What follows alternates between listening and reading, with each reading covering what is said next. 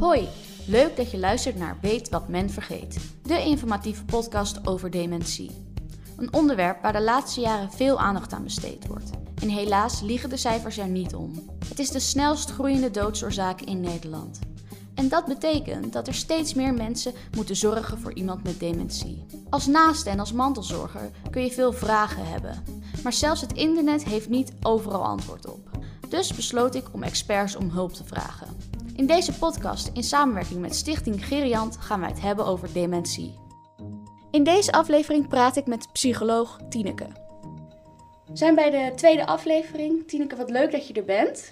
Dankjewel, vind ik ook. Ja, jij bent uh, psycholoog Mhm. en wij kennen elkaar natuurlijk al een tijdje. Ehm, kun je jezelf even voorstellen? Ja, dat kan ik. Ehm, mijn naam is Tineke Dijk en ik ben GZ-psycholoog, dat is gezondheidszorgpsycholoog. En ik werk inmiddels zo'n 30 jaar als psycholoog in de gezondheidszorg. En daarvan een heel groot deel met mensen met eh, dementie en hun partners, kinderen, hun omgeving. Ik ben ook verbonden als psycholoog aan woonvoorzieningen waar mensen met dementie wonen. En eh, nou, iets meer over mijzelf vertellen misschien. Ehm, ik ben 58 en ik woon prachtig in Noord-Holland, waar ik heel blij mee ben. En het is ook een groot genot daar in die mooie omgeving te werken. Um, en naast mijn werk, wat ik drie dagen doe, uh, werk ik ook als mindfulness- en compassietrainer. En uh, heb ik nog een gezin met drie volwassen kinderen. Ja, heb jij altijd al um, gewerkt met mensen met een dementie of heb je eerst een andere tak van de psychologie gedaan? Nou, ik ben begonnen in uh, 1980 met de HBOV, dat is de Hoge Beroepsopleiding Verpleegkunde. Ik wist al wel dat ik in de gezondheidszorg wilde werken. En toen heb ik aanvankelijk gekozen om als verpleegkundige te werken uh, met mensen met kanker.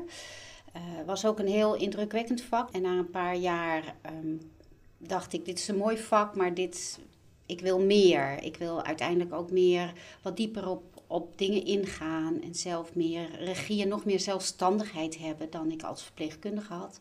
Dus toen ben ik psychologie gaan studeren met het idee om te gaan werken met mensen met kanker in het ziekenhuis.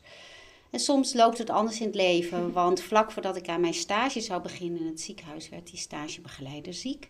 En toen kon ik een week later uh, kon ik een stage krijgen in een gecombineerd verpleeghuis in Purmerend. En toen ben ik daar gaan werken en het heeft me gepakt. Het werken met ouderen, de mensen met dementie, wat daar gebeurde.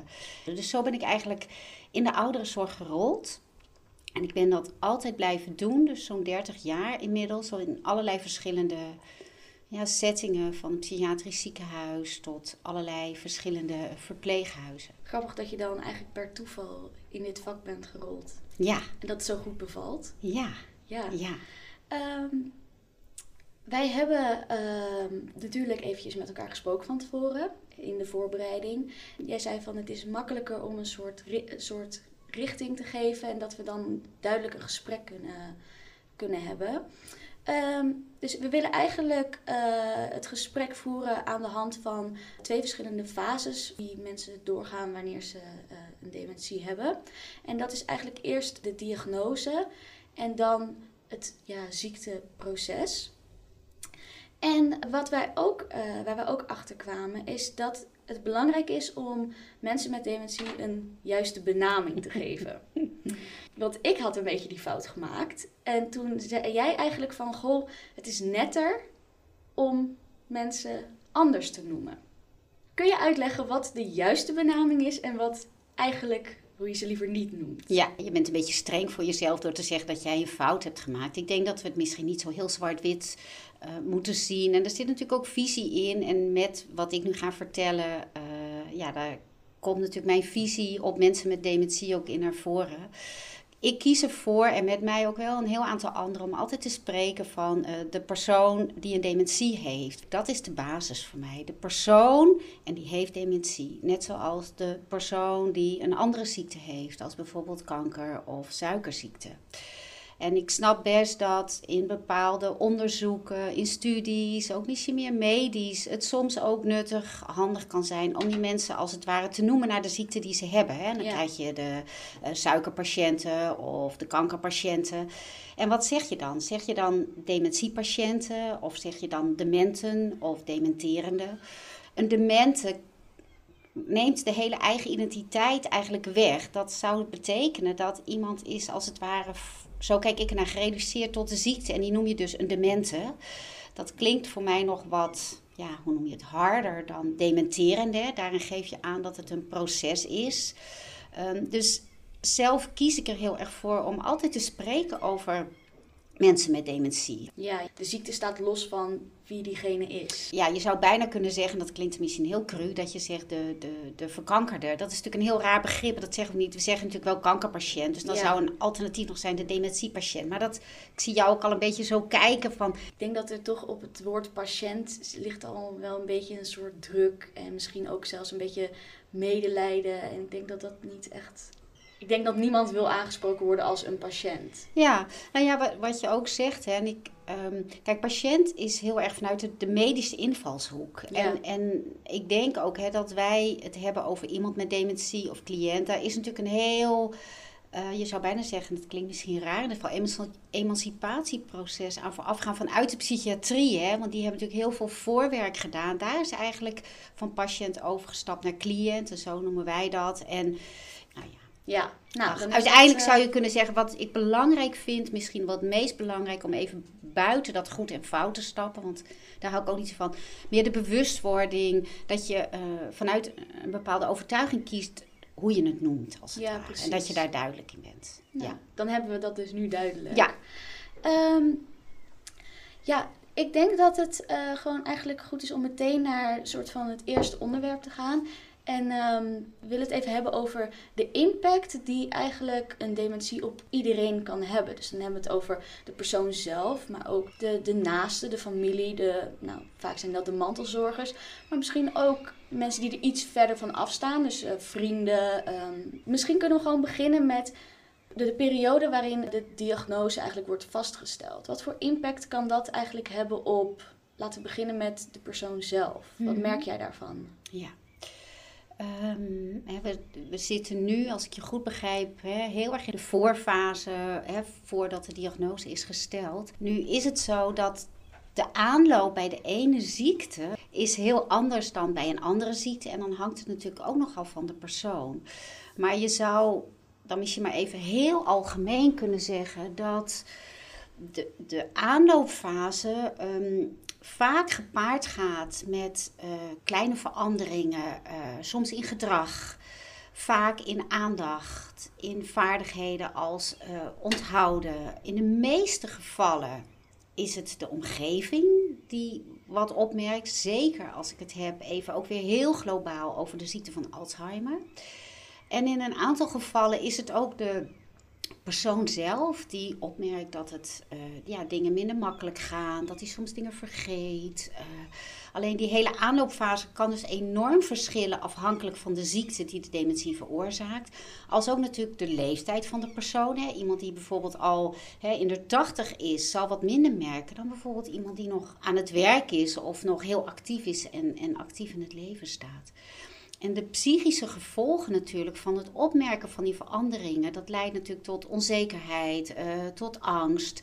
Eh, je ziet daar eigenlijk al een soort rouwreactie. Sommige mensen zullen het een beetje onder het tapijt wuiven, wat bagatelliseren. Van nou valt wel mee en ik ben ook moe geweest of ik heb hard gewerkt.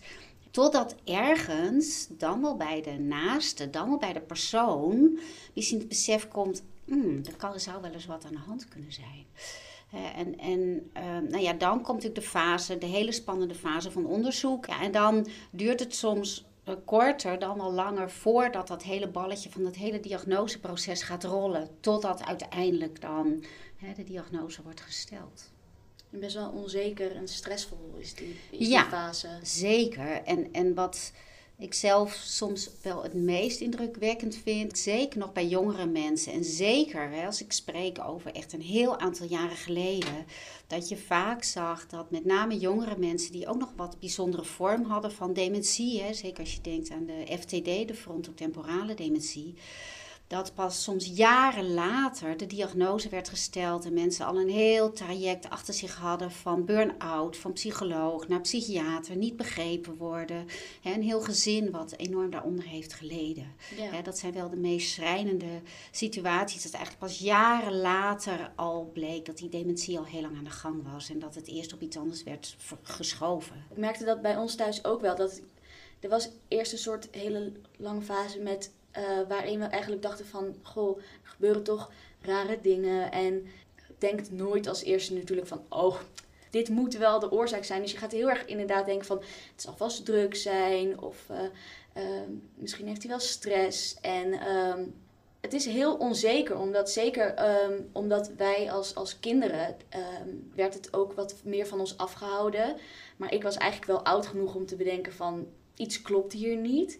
En zo'n fase ga je denk ik toch een beetje in geheim door, zo'n zo'n diagnose. Want je gaat nog niet meteen aan de hele wereld verkondigen van... goh, we zijn nu aan het kijken wat er eigenlijk allemaal aan de hand is. Dat lijkt me best wel lastig. Ja, je verwoordt het eigenlijk heel treffend, hè, uh, Robin, door te zeggen in het geheim door. En in het geheim wil eigenlijk zeggen dat dat vaak met terugwerkende kracht ook heel alleen en heel eenzaam. Want hè, de persoon zelf, die misschien wat merkt, die, die denkt daar mogen niet gelijk aan. Of die, die wil zijn angst niet bewaarheid zien. Hè? Want dementie zit natuurlijk ook een enorm stigma op. Hè? Een soort negatief stempel. Hè? Dat, hè, dus het is eenzaam, alleen. En voordat je natuurlijk je vermoedens gaat delen, zeker als er nog niet zoveel bekend is of als daar een enorm stigma op zit, dat is ook vaak heel alleen. En hè, dat hoor je vaker natuurlijk bij een een, ernstige ziekte, zoals dementie natuurlijk ook is, hè, dat, dat aan één kant is de diagnose uh, verschrikkelijk soms voor mensen. En aan de andere kant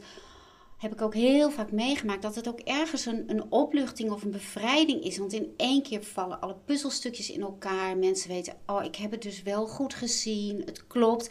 En dan in één keer is ook alle steun en hulp in de omgeving voorhanden. Hè, natuurlijk nog niet genezend, maar je hoeft het niet meer allemaal alleen te doen. Ja, en ehm, bij ons was het dan dat, dat ik het veel later pas te horen kreeg. Maar zoals mijn ouders, die hebben echt, mm, volgens mij hebben zij wel nog echt meer dan een jaar, wisten ze eigenlijk al wat er aan de hand was. Maar was het gewoon nooit het goede moment om dit te bespreken met de rest. En dat lijkt me echt zo verschrikkelijk dat je eigenlijk al weet dat er iets is. Mm. En dat je dat eigenlijk dan zelf maar in je, in je eentje of zij dan met z'n tweeën doorgaat. Dat, nee.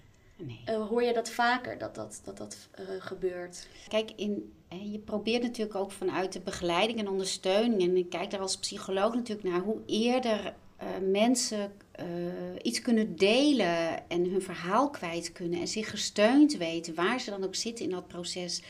Um, gun je dat natuurlijk heel veel mensen. Aan de andere kant leert ook de ervaring dat, dat mensen dat soms ook op hun eigen manier doen. Dus en soms hebben mensen ook weer even tijd nodig om dat samen dan maar, weet je, zo een paar weken, een paar maanden uh, ja, aan te gaan.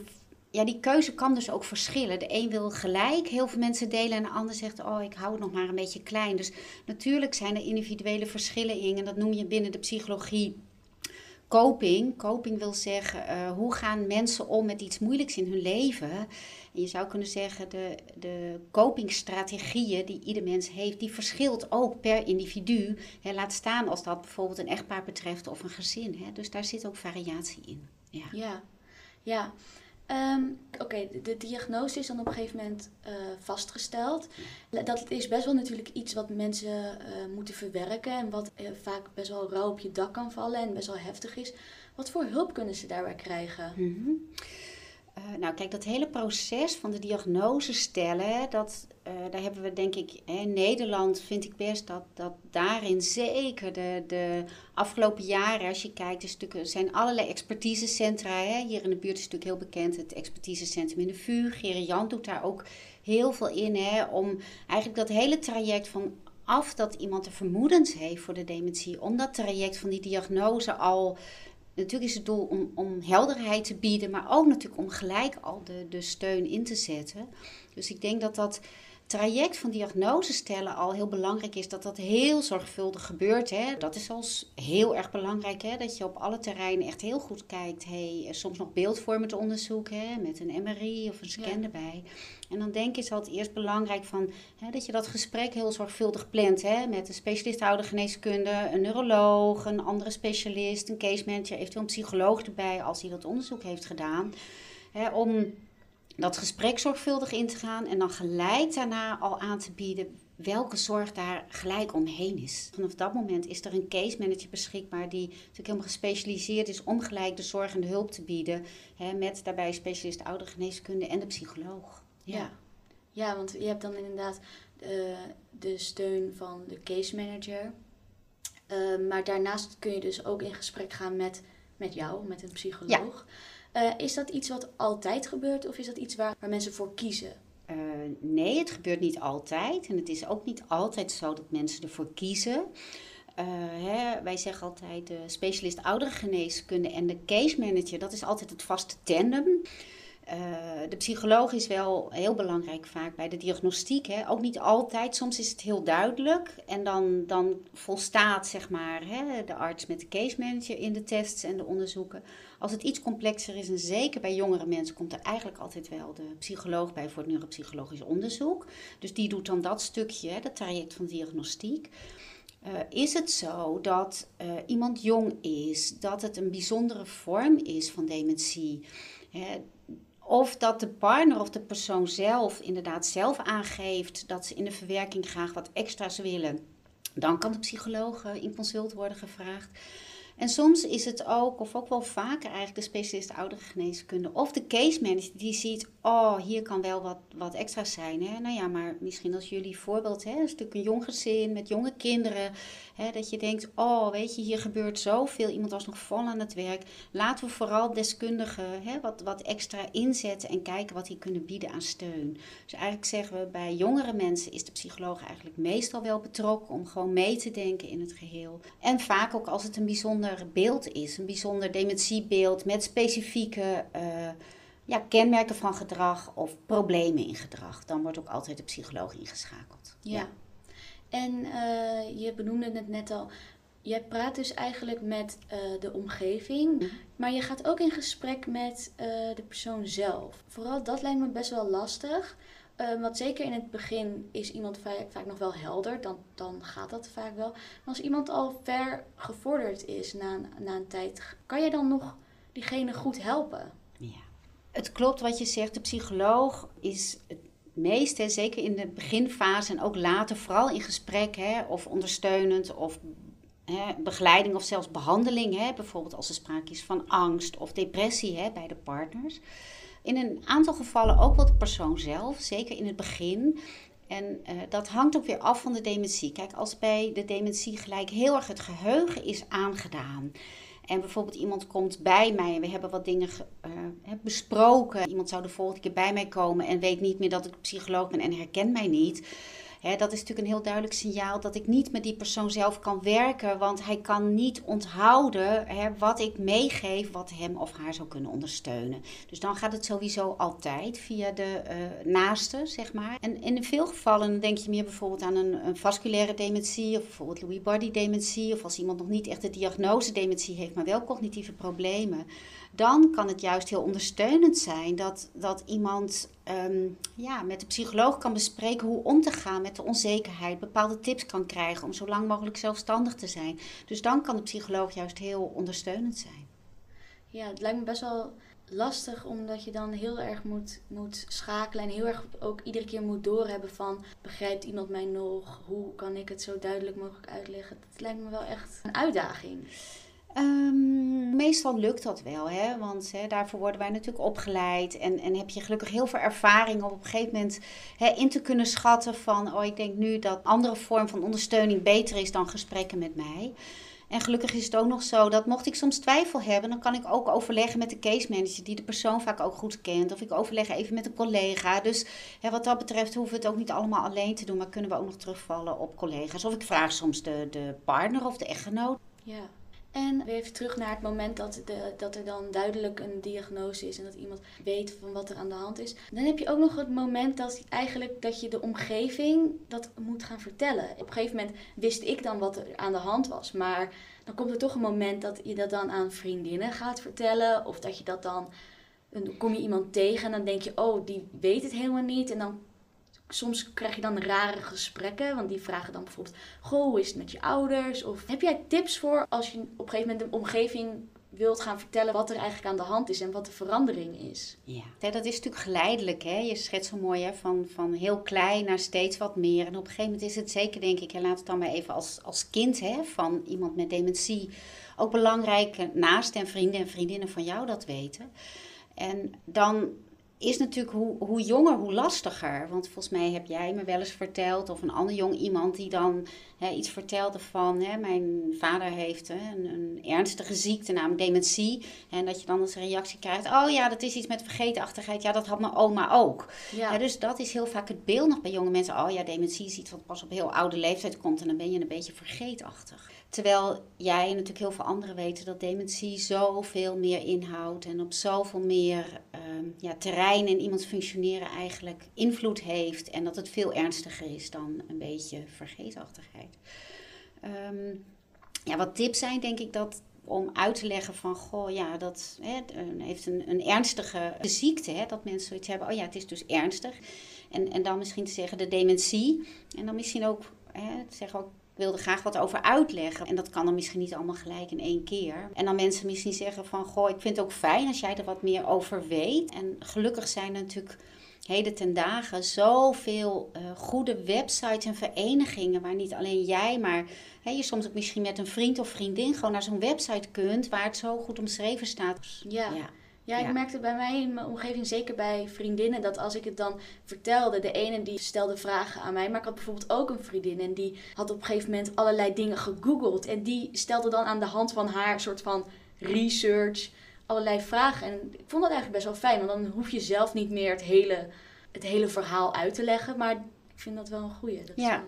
Het is een heel belangrijk deel van je leven, maar ook weer niet alles. En daarom is het ook belangrijk om een paar mensen, denk ik, te kiezen die het weten. En anderen mogen het weten, maar je hoeft er ook niet met iedereen over te hebben. En dan is het fijn dat die paar dat die er wat meer van weten. En dat je die ook echt zegt van... Goh, ik zou het fijn vinden als je op die site wil kijken en er ook wat meer van weet. Ja, ja precies. Ja, wat jij inderdaad ook zegt van... Niet iedereen hoeft het ook te weten. En dat is denk ik ook wel iets waar ik ook wel achter ben gekomen van het heeft voor heel veel mensen ook niet heel erg veel bijdragen als zij van jou weten. Dus ik selecteer heel erg op van heeft het voor iemand nut of heeft het voor iemand effect om het van mij te weten. Ik denk dat het handig is, zeker omdat we het ook over kinderen hebben, om wel het aan te geven bij bijvoorbeeld een school of bij een, een, een studie of dus ja, ik denk dat dat ook wel een goede tip is om gewoon te selecteren van wat je, wie vertel je het wel en wie vertel je het niet ik had ook altijd heel erg het idee dat als je het aan iedereen vertelt, dat iedereen dan maar zoiets had van: oh ja, dat is dat meisje met dit en dit verhaal. En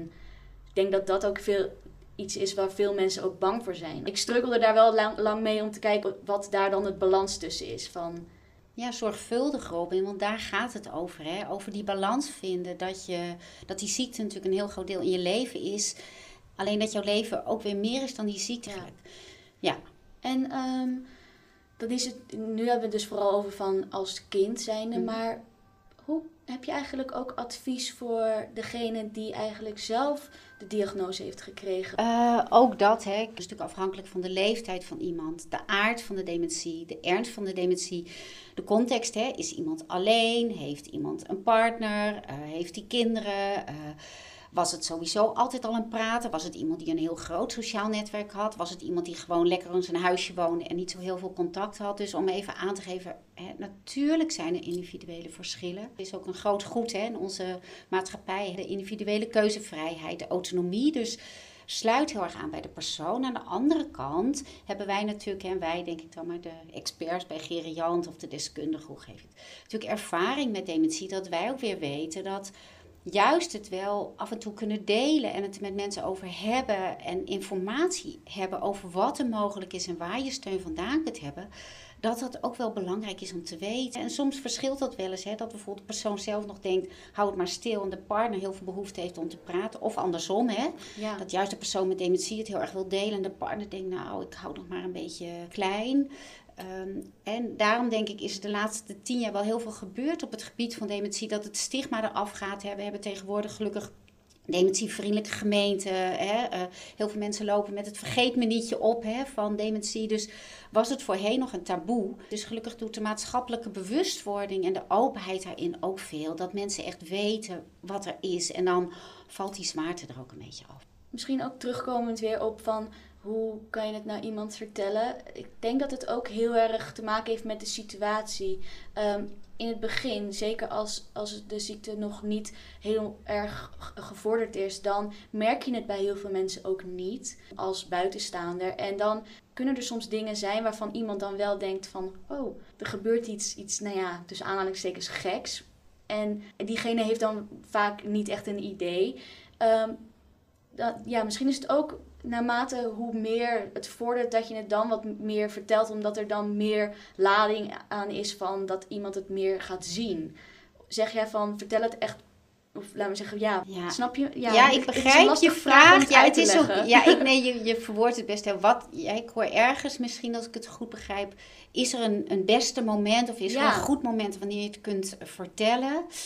Ehm, laat ik vooropstellen, er is niet een helemaal goed en er is niet een helemaal fout. Ja. En je zou kunnen zeggen dat te is nooit goed. En dat is een heel open deur misschien. Ja, precies. Te vroeg is niet voor mensen altijd fijn. Als dat al bestaat. En, en veel te laat is soms ook lastig. Hè, waardoor mensen in een, in een wat lastig pakket zijn. En eigenlijk leert de ervaring dat gelukkig de meeste mensen door de meer openheid die er is. Die zitten ergens wel tussen wat vroeger en wat later vertellen. En ik vind ook wel dat daar individuele ruimte in mag zijn. Ja, precies. Ja, ik, ik moest hier aan denken omdat ik lees nu een boek. ehm, het heet Het hart wordt niet dement. En daarin werd een voorbeeld besproken van dat het voor vrienden en de omgeving best wel een verandering kan zijn in het contact met iemand hebben. Want je merkt op een gegeven moment dat het contact en eh, de manier waarop je dan benaderd wordt, dat dat verandert. Misschien dat het eerst 50-50 was van ik nodig jou nu een keer uit en jij nodigt mij een keer uit vertelde ze in dat boek eigenlijk dat die balans wegviel, omdat er eigenlijk meer verwacht wordt dat iemand jou niet meer zo snel zou uitnodigen, omdat misschien dat niet kan, maar ook omdat mensen gewoon veel dingen aan hun hoofd hebben. Dus dat het voor de omgeving belangrijk is om nog steeds het contact op te zoeken met die mensen, ook al wordt dat contact misschien meer eenzijdig vanaf iemand. Ja, mooi dat je dat, dat ook aansnijdt. Hè? Ik denk het Hart van die Dement, volgens mij van Hu Buijs, hè, Ja. is dat boek. En die heeft natuurlijk heel veel ook geschreven hè, over mensen met dementie. Ehm, hè, jij schetst eh, hierin ook weer het belang dat het ook belangrijk is, zeker, dat, dat mensen worden meegenomen en het weten. En er zit bij dementie komt er nog eens wat extra bij, omdat dementie echt hè, de, heel veel vaardigheden, hè, sociale vaardigheden, intellectuele vaardigheden, hè, ehm, ja, die raken aangedaan door de dementie, waardoor er ook echt daadwerkelijk wat verandert in het contact. Hè, sociale steun en nog wel weten dat de mensen voor je zijn, is natuurlijk zowel voor de persoon zelf als voor de naaste ja, van ongelooflijk veel belang. Ja, ja, absoluut. En ehm, er zijn ook gewoon heel veel ideeën over, over de, de dementie. En ik, ik behandel dus iedere aflevering ook een aantal misvattingen. Dus misschien is het goed om aansluitend de eerste misvatting te behandelen. En dat is eentje die ik heel vaak hoor en waar heel veel mensen. Of heel veel mensen die ik spreek, dat ze dit ook meteen zeggen. En de eerste misvatting is: iemand is nog niet echt dement, tussen aanhalingstekens, als diegene zijn of haar familie nog herkent. Wat vind jij daarvan? Ja, eh, ja, dat is inderdaad heel terecht een enorm misvatting. Hè, want eh, op het moment dat iemand zijn familie of haar familie niet meer herkent, eh, dat is best al heel ver in de dementie, kan Ja. je zeggen. En eh, ik sluit daar bijna gelijk op aan dat bij wijze van spreken, hè, als iemand met dementie in één keer nog iets weet, kan iemand andersom zeggen: Oh, Oh, is hij wel dement? Want hij weet nog iets. Hè? Dat zijn van die, Oh ja. van die hele bijzondere uitspraken. En dan kom ik toch weer op. Uiteindelijk is de diagnose dementie is weer het feit dat iemand ehm, dat aangetoond is dat er een, een, een, een ernstige organische lijden aan ten grondslag ligt. Dat iemand eh, niet meer zelfstandig kan functioneren helemaal. Dat heel duidelijk verval is aangetoond van een aantal eh, cognitieve functies. En cognitieve functies worden ook wel de kennende functies genoemd.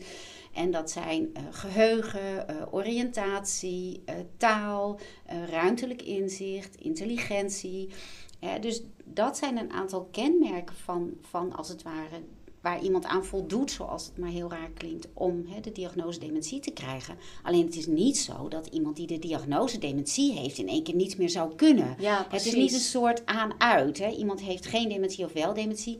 Dat is juist wat het ook zo complex maakt.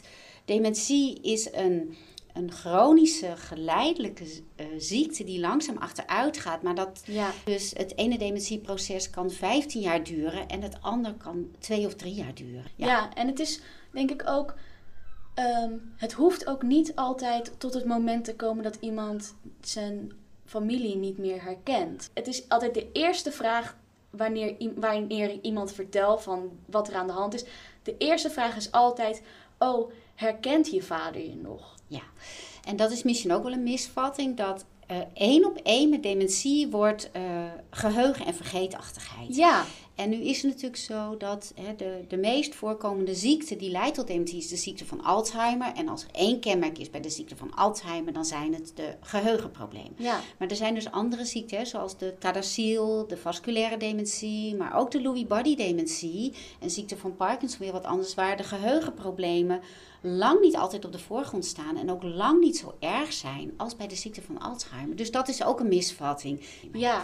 ja. En het is misschien ook, wat ik een beetje wil meegeven, is de, de vraag die mensen dan vaak stellen van herkent je vader je nog?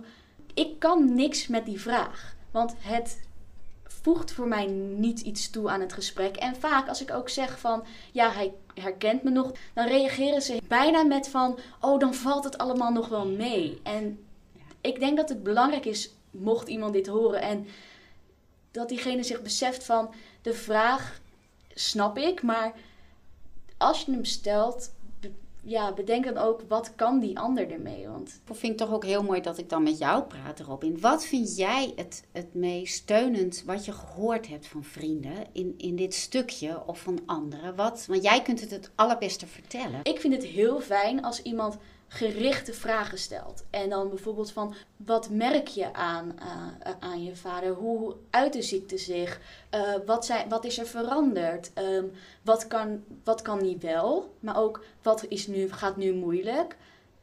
Dan maakt het, het de uitleg van iets wat best wel groot is en complex is, maakt het makkelijker omdat je gewoon gericht een vraag kan beantwoorden. Ik heb altijd een soort van twee manieren van uitleggen. En dat is gewoon een spreekbeurt geven met even de droge, harde stof van dit en dit, dit is aan de hand. Maar daarna is, is het natuurlijk ook heel fijn als iemand vraagt van, goh, hoe ga je daar eigenlijk mee om? En wat doet dat met je? Weet je wel, dan ga je meer op de, op de emoties. En kijk, bij de ene ga ik natuurlijk gewoon mijn droge spreekbeurt houden. En dan sluit ik nog net niet af met, nou, die was mijn spreekbeurt, zijn er nog vragen? Maar bij de ander is het juist fijn als iemand toch even vraagt van, hoe gaat het met je? En dat, dus er zijn een beetje twee verschillen bij mij. Ja. Jij bent hierin voor mij de deskundige dat jij denk ik als geen ander kunt aangeven. Wat vind ik belangrijk? Dus eigenlijk zeg je, oh, stel me vragen. Weet je, toon interesse en, en vraag me. Hè? Ja, en ik vind het ook altijd fijn, of ik zeg ook eigenlijk altijd, vooral tegen iemand waar ik dan eh, vaker mee ben, blijf ook gewoon vragen stellen. Als je iets wil weten, vraag het me dan. Ik vind het heel vervelend als, ehm, als je dan, dan op een gegeven moment het gesprek hebt gehad en vervolgens gaan we het er nooit meer over hebben. Blijf vragen is eigenlijk Ja. jouw. eh, Ja, en nu ben ik natuurlijk het voorbeeld met eh, vader-dochter. Maar ik denk dat het een voorbeeld kan zijn die in alle situaties wel, eh, wel opgaat. ja, En wat ook gewoon belangrijk is, is mensen kunnen vragen stellen aan mij. Maar er zullen ook genoeg situaties zijn dat die vragen ook makkelijk gesteld kunnen worden aan de, de persoon met de dementie. Want Want het hoeft niet altijd zo te zijn dat je gewoon geen gesprek meer met iemand kan voeren. Dus Zeker, en dit is weer om de volgende misvatting weg te nemen. Hè. Blijf, ook, blijf altijd ook in gesprek met de persoon Ja. met dementie. Van begin tot eind, zou ik bijna zeggen. Dus maak niet, en dat vind ik dan wel echt een fout, dat je over iemand heen gaat praten. Niet erger dan dat. Dus het kan natuurlijk ook zo zijn dat de persoon zelf op dat moment in een andere fase zit van de verwerking of wat anders wil delen. Want niet iedereen maakt altijd dezelfde fase door in de verwerking. Maar blijf interesse tonen, blijf vragen, blijf steunen. Ik denk dat het belangrijk is om ook te hebben over de veranderingen. Het proces verandert natuurlijk, maar in sommige gevallen verandert een persoon. Nou, eigenlijk in alle verander- gevallen verandert natuurlijk een persoon, maar iemands persoonlijkheid kan ook veranderen. Kun je daar wat over uitleggen? Doordat er eh, een aandoening is in, in de hersenen, ehm, eh, veranderen de hersenfuncties. Hè? Hè, en cognitieve functies zijn al wat ik eerder zei. Het geheugen, hoe laat het is, eh, welke dag het is, hoe lang iets duurt. Hè? Dat is de Ja. oriëntatie in tijd. Dan heb je natuurlijk de oriëntatie in plaats. Hè? Dat je weet waar je bent, dat je de weg kunt vinden, dat je weet hoe je van A naar B komt. Ja. Ehm, en de oriëntatie dus ook in persoon, hè, hoe verder iemand afstaat, hè, hoe, hoe eerder dat vergeten is. En daarnaast zijn er een aantal andere cognitieve functies en dat zijn ehm, de taal, hè, de, het vermogen hè, je te uiten via de taal en het begrijpen van taal. Dan kan aangedaan raken, dat noemen we de, de, het ruimtelijk inzicht. Hè, dus dat je ehm, diepte ziet, dat je begrijpt hoe ruimte, hoe, hoe dingen zich verhouden als het ware Ja. in de ruimte. Maar ook ehm, de, eh, de handelingsvaardigheden, dat wordt wel genoemd de praxis. Hè? Dus dat wil zeggen dat, je, ehm, dat hij niet meer goed begrijpt hoe hij bijvoorbeeld die, dat water eh, in dat glas kan krijgen. Of zelfs, en dat is een aandoening ook in het kijken, dat wordt eh, de agnosie genoemd, dat iemand wel een kan ziet staan, maar dat niet direct herkent als kan. En dat, wil, Oh. dat heeft niet met de ogen te maken, maar met de uitleg van wat men ziet. Dus ook dat kan aangedaan Oh. raken. En dan is er nog iets wat kan veranderen en dat noemen we, dat raakt aan de persoonlijkheid. Dat is, beseft iemand bijvoorbeeld dat er dingen veranderd zijn, dat Ja. hij eh, dingen niet meer weet. En dan spreken we van ziektebesef. En iets verder gaat nog ziekteinzicht. En dat mensen echt de consequenties overzien. Dat een dementie bijvoorbeeld tot gevolg heeft dat iemand niet meer mag autorijden. Of dat iemand niet meer op zichzelf kan wonen. Dan spreek je echt van inzicht. En dat zie je dat dat echt bij hè, mensen met dementie eh, er heel vaak niet meer is. Ja. En dan verandert nog iets in de persoonlijkheid, wat wij wel noemen de ehm, emotieregulatie. Hè? Dat, eh, dat noem je wel ontremming. Iemand ziet bijvoorbeeld iets en vindt iets heel lelijk. Maar hè, wij hebben geleerd volgens de sociale norm dat we niet gelijk bij iemand binnenkomen en zeggen: Nou, wat heb jij een lelijk schilderij aan de muur? Of wat ben jij dik geworden? Hè? We kunnen dat misschien denken, maar dat zeggen we niet.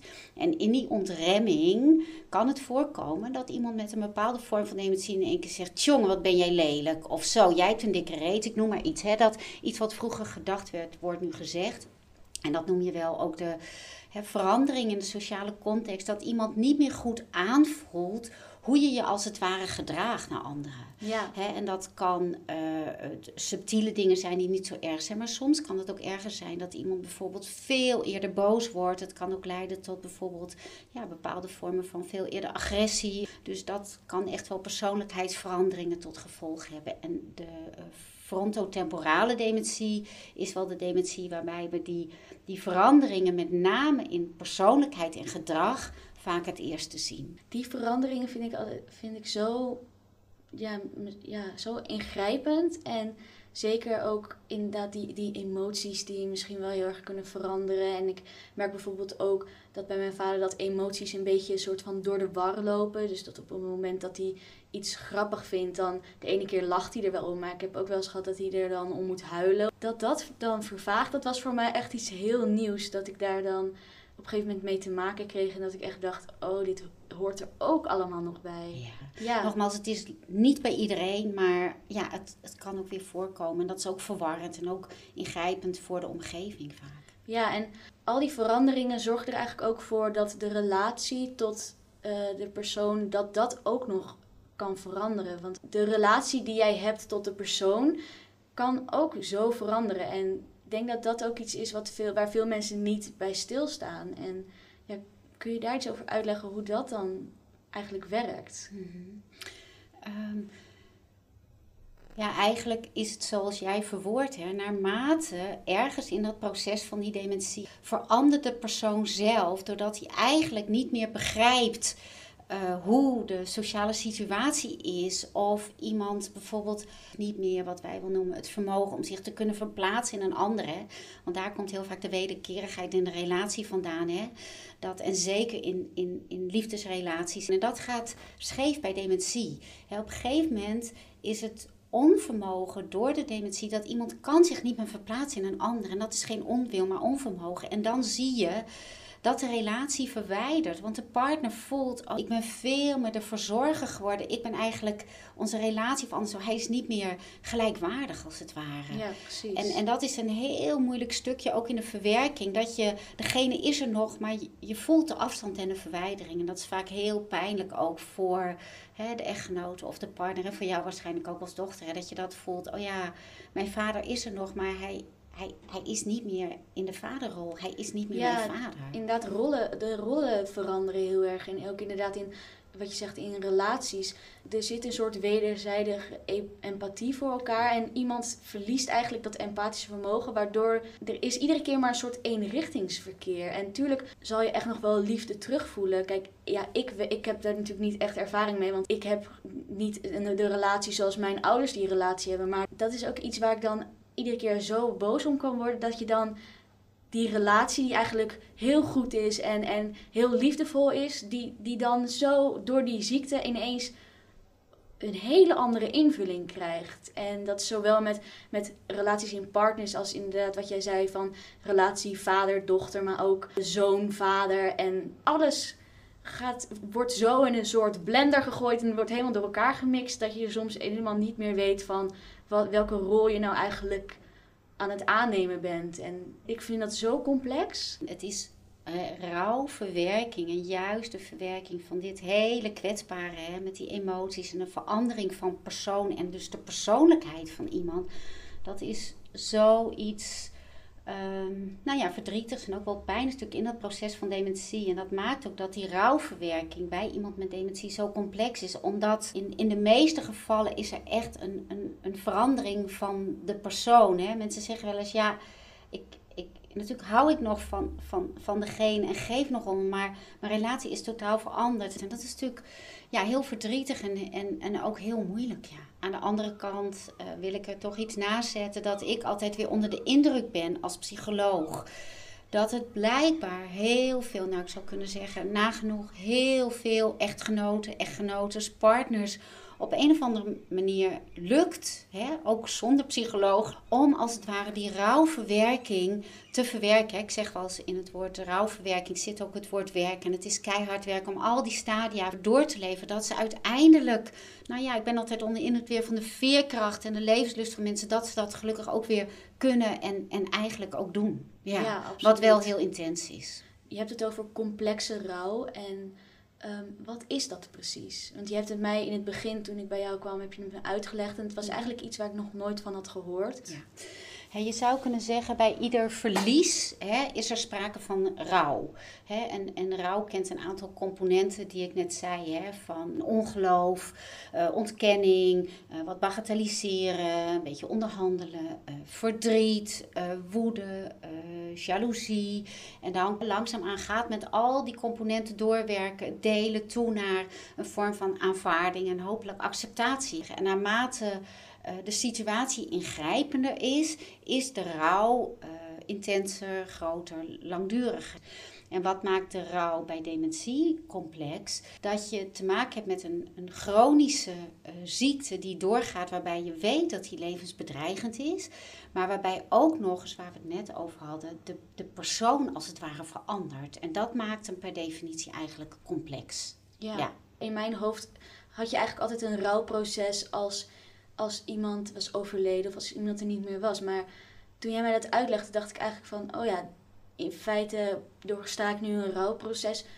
Maar is iemand er gewoon nog? En dat, ik denk dat nee, naar mijn idee, dat stukje complexe, dat dat voornamelijk daarop slaat. Dat je die gevoelens allemaal ervaart en tegenstrijdig en soms ook boos bent of denkt ik wil dit niet. Of, dat zijn dus allemaal normale gevoelens en gedachten die allemaal opkomen bij rouw. En ja, rouw is ook tijdens het proces. En dat is niet uniek, denk ik, voor dementie. Want ik denk dat mensen hè, die, die een, een naast hebben met een andere chronische ziekte, Ja, ook al, die, die rouw is al veel eerder van start. Ja, maar op het moment dat je weet dat dat bij rouw is en dat je daar niet alleen in bent en dat dat als het ware normaal is, kan al een klein beetje steun geven van, oh, ik ben er dus niet alleen en het is niet raar dat ik dit denk of voel.